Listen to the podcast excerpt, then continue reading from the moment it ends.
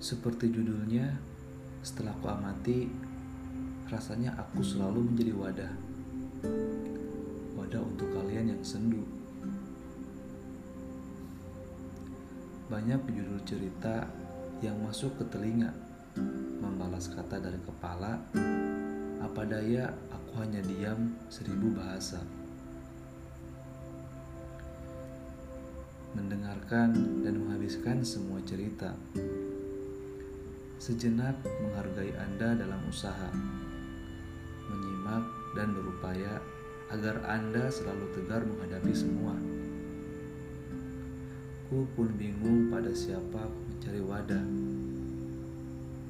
Juga manusia tak luput dari salah. Banyak kata yang tak sampai dan gelisah. Hingga ku simpan rapat-rapat dan kujadikan kisah.